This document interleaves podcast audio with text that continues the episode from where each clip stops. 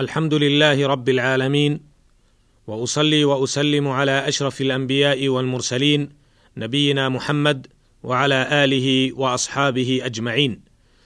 أيها المستمعون والمستمعات السلام عليكم ورحمة الله وبركاته. تحدثنا في حلقات سابقة عن حديث عبادة بن الصامت رضي الله عنه أن رسول الله صلى الله عليه وسلم قال من شهد أن لا إله إلا الله وأن محمدا عبده ورسوله وأن عيسى عبد الله ورسوله وكلمته ألقاها إلى مريم وروح منه والجنة حق والنار حق أدخله الله الجنة على ما كان من العمل متفق عليه. وفي هذه الحلقة نعرض حديث ابن عباس رضي الله عنهما أن رسول الله صلى الله عليه وسلم لما بعث معاذا إلى اليمن قال له إنك تأتي قوما من أهل الكتاب فليكن أول ما تدعوهم إليه شهادة أن لا إله إلا الله.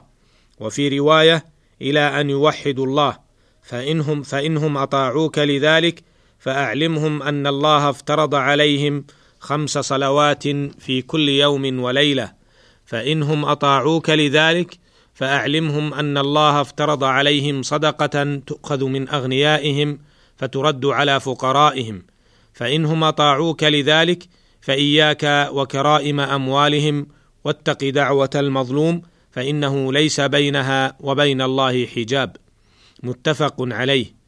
أيها المستمعون الكرام هذا حديث عظيم مليء بالحكم والأحكام والفوائد الجليلة العظام ينبغي للمسلم أن يتدبرها ويقف عندها متأملا ودارسا ومطبقا. وبناء عليه أعرض بعض مسائله المهمة على النحو الآتي. المسألة الأولى قول ابن عباس رضي الله عنهما لما بعث معاذا إلى اليمن قال الحافظ ابن حجر رحمه الله كان بعث معاذ إلى اليمن سنة عشر قبل حج النبي صلى الله عليه وسلم كما أخرجه البخاري. وقد روى الواقدي أنه كان في السنة التاسعة عند منصرف النبي صلى الله عليه وسلم من غزوة تبوك وقيل غير ذلك لكنهم اتفقوا أنه لم يزل على اليمن إلى أن قدم في عهد أبي بكر رضي الله عنه ثم توجه إلى الشام فمات بها. المسألة الثانية قوله صلى الله عليه وسلم إنك تأتي قوما من أهل الكتاب. هذه أولى وصايا النبي صلى الله عليه وسلم لمعاذ رضي الله عنه وفيها وقفات.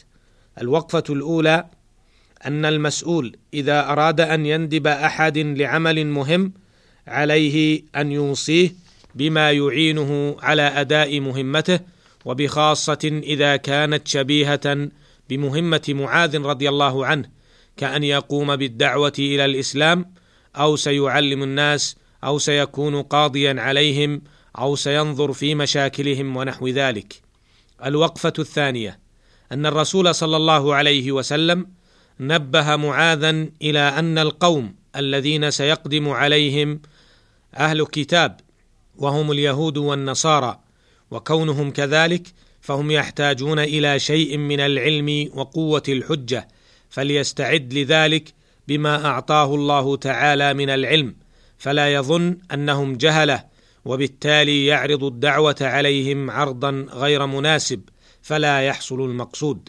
الوقفة الثالثة من هذه الجملة القصيرة يستفيد الدعاة إلى الله فائدة عظيمة ولنقف عندها قليلا بشيء من البسط ذلكم أن الدعوة إلى الله تحتاج في عرضها للناس اسلوبا يليق بمكانتها وشرفها وعظم شأنها.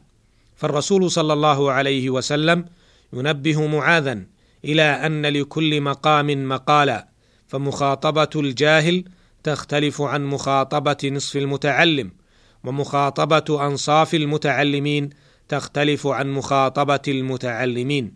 وهذا من الحكمة التي أمر الدعاه بانتهاجها في قوله تعالى ادع إلى سبيل ربك بالحكمة والموعظة الحسنة وجادلهم بالتي هي أحسن. ومن الملاحظ أن كثيرا ممن ينتهجون أسلوب الوعظ والإرشاد والتوجيه لا يراعون مثل هذا مما لا يجعل لكلامهم فائدة كبيرة. ولو لاحظنا رسول الله صلى الله عليه وسلم لوجدناه الحكيم كل الحكمة في عرض الدعوة ابتداء بعرضها على قريش في أول الدعوة وحتى توفاه الله عز وجل فتارة يعرضها بأسلوب الخطبة للناس عموما وتارة بعرضها على شخص معين وتارة بتصحيح خطأ وهكذا. أيها المستمع الكريم إن عدم انتهاج أسلوب الحكمة ووضع الكلمة في غير موضعها قد يؤدي إلى أضرار كثيرة ومن أهمها نفور الناس من الإسلام وأهله. إن الكلمة أمانة ومسؤولية والمتكلم آمين فعليه أن يؤدي أمانته على الوجه المطلوب لأجل أن تؤدي مفعولها وتثمر ثمارها الطيبة إن شاء الله.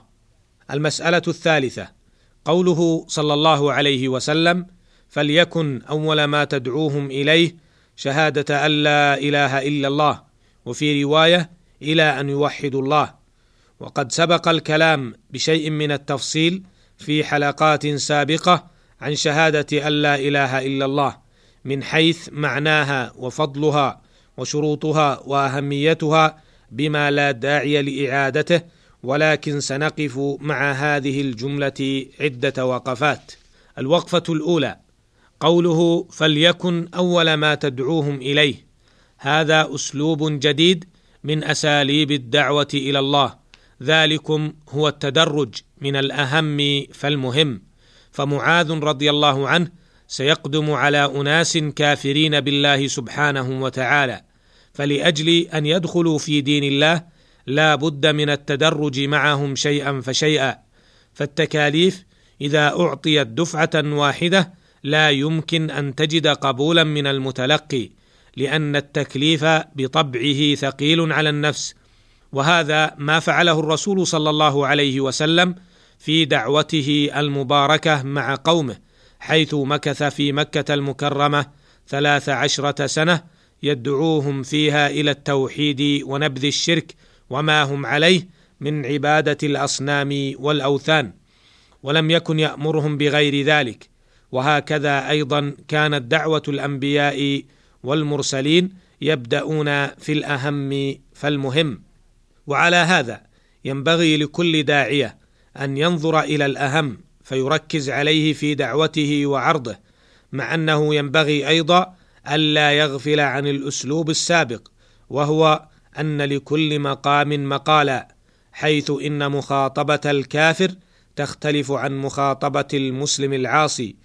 ومخاطبة الابن المقصر في تطبيق أحكام الإسلام تختلف عن البنت وهكذا. الوقفة الثانية. قوله صلى الله عليه وسلم فليكن أول ما تدعوهم إليه شهادة أن لا إله إلا الله جاءت هنا عدة روايات فمنها فأول ما تدعوهم إليه عبادة الله فإذا عرفوا الله فأعلمهم أن الله افترض عليهم خمس صلوات ومن الروايات قوله إلى أن يوحدوا الله فإذا عرفوا ذلك. وقد يسأل سائل ويقول هل بين هذه الروايات اختلاف يغير المعنى؟ يجيب عن هذا الحافظ ابن حجر رحمه الله تعالى بقوله إن المراد بعبادة الله توحيده وتوحيده الشهادة له بذلك ولنبيه بالرسالة. فظهر من هذا ألا تعارض بين هذه الروايات فمعناها واحد وهو الدعوة إلى توحيد الله سبحانه وتعالى وإفراده بالعبادة وحده لا شريك له ونبذ ما سوى ذلك. الوقفة الثالثة. من هذه الجملة يتبين أن أهم ما يدعو إليه الداعي هو توحيد الله عز وجل والتركيز على ذلك تركيزا كبيرا. يدل على ذلك فعل الرسول صلى الله عليه وسلم واستمراره أكثر أيام الدعوة في ترسيخ العقيدة في النفوس توحيد الله عز وجل ونبذ الشرك وأهله فعلى الدعاة إلى الله عز وجل. في كل قطر أن يهتموا بهذا الجانب اهتماما كبيرا فيضعوه في أول الأولويات مهما خالفهم الناس وعارضوهم. فلهم في الأنبياء والمرسلين قدوة وفي نبينا محمد صلى الله عليه وسلم أسوة. ألم تر أخي الداعية أن كثيرا من الآيات القرآنية كل كلها دعوة لتوحيد الله عز وجل سواء كان مباشرة كقوله تعالى ولقد بعثنا في كل أمة رسولا أن اعبدوا الله واجتنبوا الطاغوت أو كان بغير مباشرة عن طريق عرض دعوة الأنبياء عليهم السلام وبيان قصصهم مع أقوامهم ونحو ذلك أو في عرض مخلوقات الله سبحانه وتعالى ليستدل بها العاقل على خالق هذا الكون فهو المعبود وحده لا سواه. لماذا هذا كله؟ لا شك أن لأهمية العقيدة وترسيخها في نفوس الناس. الوقفة الرابعة يقول شيخ الإسلام ابن تيمية رحمه الله تعالى عند هذا اللفظ وقد علم بالاضطرار من دين الرسول صلى الله عليه وسلم واتفقت عليه الأمة أن أصل الإسلام وأول ما يؤمر به الخلق شهادة أن لا إله إلا الله وأن محمدا رسول الله فبذلك يصير الكافر مسلما والعدو وليا والمباح دمه وماله معصوم الدم والمال ثم إن كان ذلك من قلبه فقد دخل في الإيمان وإن قاله بلسانه دون قلبه فهو في ظاهر الإسلام دون باطن الإيمان. أسأل الله تعالى أن يرزقنا الحكمة في الدعوة إليه وأن يوفقنا إلى ذلك إنه سميع مجيب وهو المستعان وللحديث بقية والسلام عليكم ورحمة الله وبركاته.